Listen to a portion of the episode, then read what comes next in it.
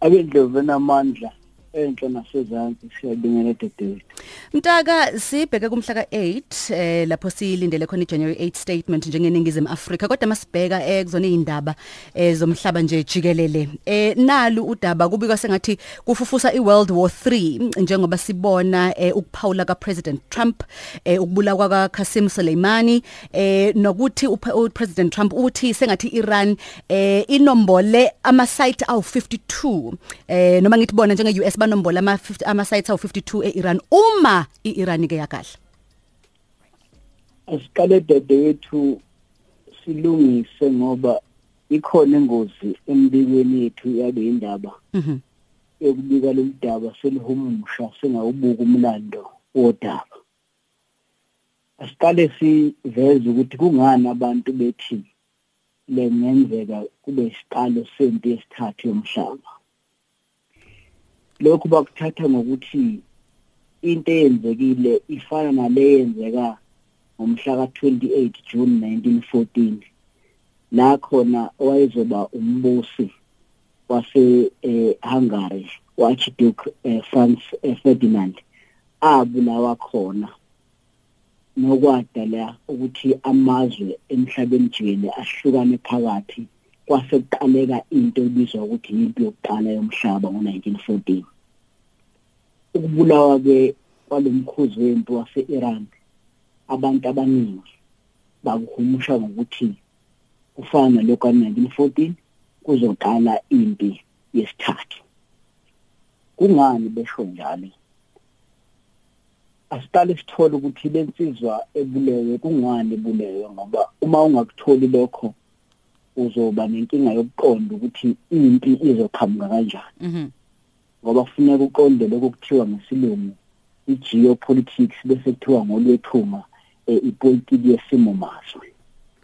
Insizwe yobulewe ibengeyesibili ngamandla e-Iran amafuphi ngokuthandwa nokuhlonishwa. Ukudlula umongameli angithi oqala kuqale kube ayathola eKhamenei lona obaba wenkolo yakhona. Mhm bese kuba lensizwa ebulewe lensizwa ebulewe umamelikana ay nabakwa-Israel bayinyanya ngenxa yokuthi isiyenze izinto eziningi ezenze bahluleka ukuqhubeka nempi yabo njengamamelikana nama-Israel okokuqala nje imelika ihluliwe Syria abantu abaningi abakuqondi lokho. imelika ibingene eSyria ngo-Obama ithi yofike ishaye waSad bese ke iliphatha leliyana bese iphatha uwoyela iphathe neIraq kanjalo.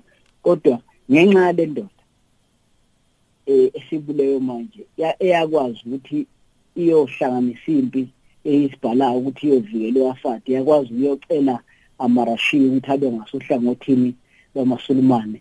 Imelika iphumile eSyria uAsad usekhona namhlanje amafutha umuntu obebaphathisana ngekhanda ngoba ubalimazile ukuthi enze leyo mpi wenze iRussia yabuya kwipolitiki yamazwe yakwazi ukuyohlula imelika. Ngoba iRussia ihluliwe kwamanje imelika eVenezuela kuyaqala ukuthi imelika ithi misidweke ngomuqo ukuthi izwe liyasha.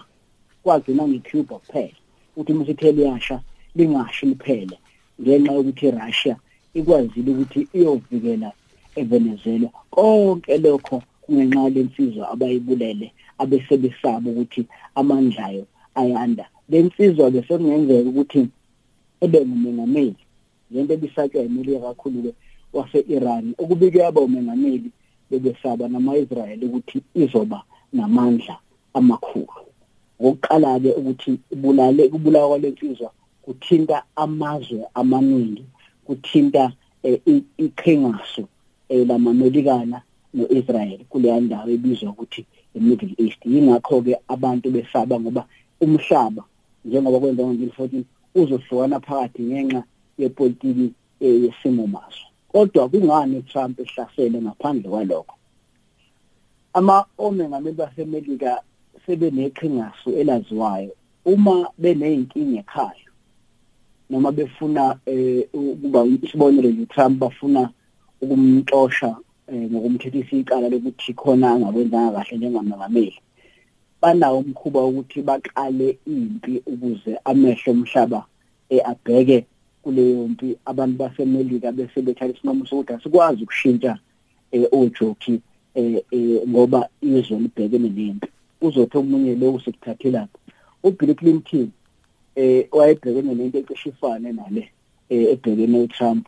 Kwathi nje sekuthiwa usozoyiqaleni wayehlohla impi wathi ayongena e-Iraq ngizama ukuthi e-Iran ngaleso sikhathi. Wayehlohla wathi ayohlasela amaSulumane ngizama ukuthi ke noTrump naye uzama ukususa umqondo othize kwipolitiki yangaphakathi ekhaya. Kodwa ngaphandle kwalokho amamelikana asenkingeni ukuthi uma eke ayivuma lento uTrump kuzokwenzeka into ababengayihlosile. Isibonelo ngalesikhathi umnomzana uBush lomdala ethi akuhlaselwe uSaddam leyo minyaka eyishumi kwenzeka into imelika engayilindele ukuthi izokwenzeka nekungenzeka ukuthi iphinde yenzeke kwenzekalani na? Yathi yona imelika ishayina yayithuthukisa ngokomnotho. Ishayina eh noma amandla eshayina kwezomnotho adalwe ukuthi imelika ibiphazanyiswe yimpi ye-Iraq uma imelika namhlanje isuka iyolwa e-Iran. Iqiniso lithi iRussia umnotho walo uzokhula ngani na? iIran ivese namhlanje njengoba ngikhuluma nawe nje kuhlela ukuthi udaba lukawoyela lusiqake sonke emhlabeni. Manje kwelasiqaka sonke bavala umgudu wawoyela iliphi izwe esothengulweni wena dadewethu? iRussia. Ngamafuphi iRussia iyona ezonqoba la ngoba izokwazi ukuthi uwela singasawuthenga iIran hmm. Singasawuthenga eMiddle East ngoba kuzobe kuliwa bese sothenga eRussia. Imelika ke ayifuni leyo nto ngoba iRussia enamandla neChina enamandla. Mm. isho ukuthi imelika isenkingeni ingakho iIran kunede kwabulawa lensizwa esihlangana neRussia kwasekuthiwa hayi mm. ake kuxoxe ukuthi kungalungiswa kanjani. Ngizama ukuthi ke ilesa simo ke esizokwenza kube inkinga kodwa iningizimu Afrika ingena athi ke ngoba kumqoka ukuthi singayicabanga ukuthi hawo kwenzeka kude kuyilwela amasumbane nama namamelika cha. iningizimu Afrika ingena ekuthenini sihlala kuloko kuthiwa i-security council noma singenawo amandla athini kodwa eh, izwi lethu kakhulukazi emazweni ase-Afrika nakulamazwe kuthiwa ama-nine alliance futhi amazwe nawo avumelana ngokuthize eh ithina esinamandla igama lethu noma izwi lethu liyahlonishwa lapho.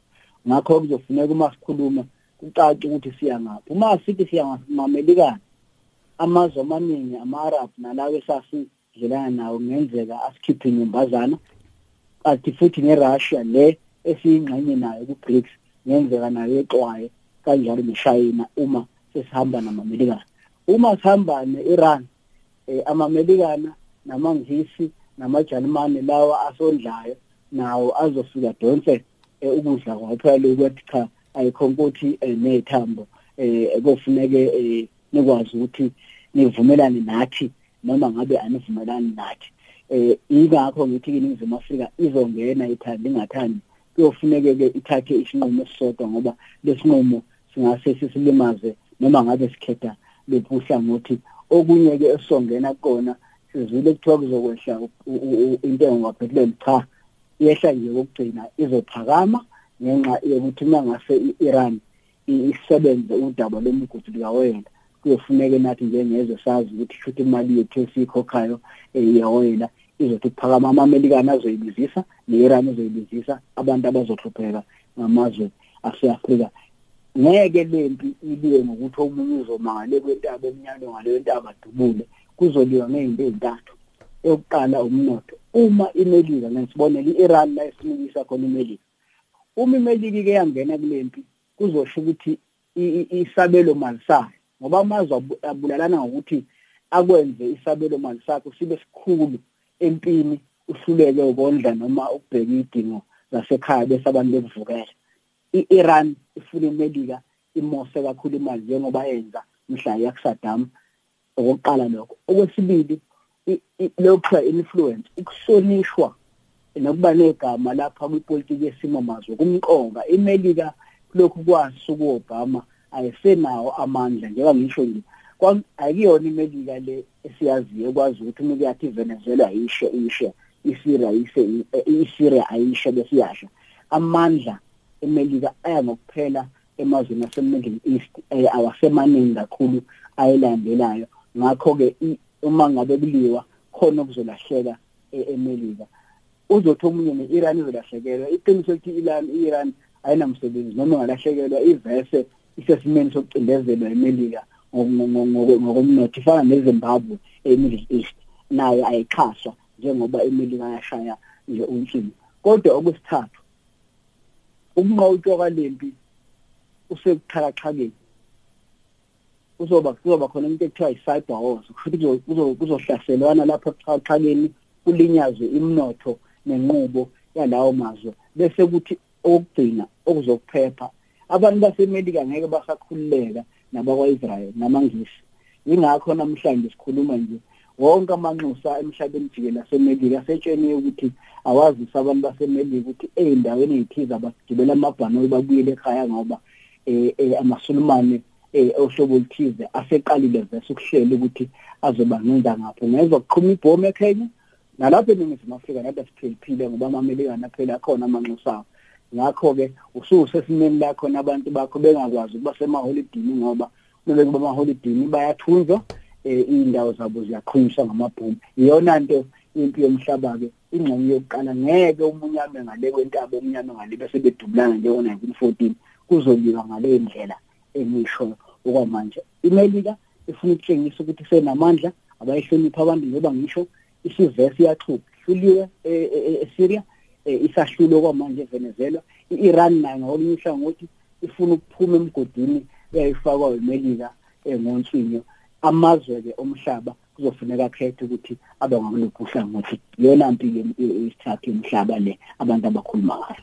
Mtaka sibonga kakhulu. Sophinde silokho silivakashela nje lolu daba. Sizwe ukuthi ke ngabe kuhamba kanjani. Ube nosoko luhle ube nonyaka ka2020 omuhle. Siyabonga ukuthi David solibhala nangolesihlanu kuba yede senze ukuthi sichaze nokuthi obani abadlali abamqoka nokuthi kuzokwenzekani kule nyanga zesithupha upolitiki esimo maso.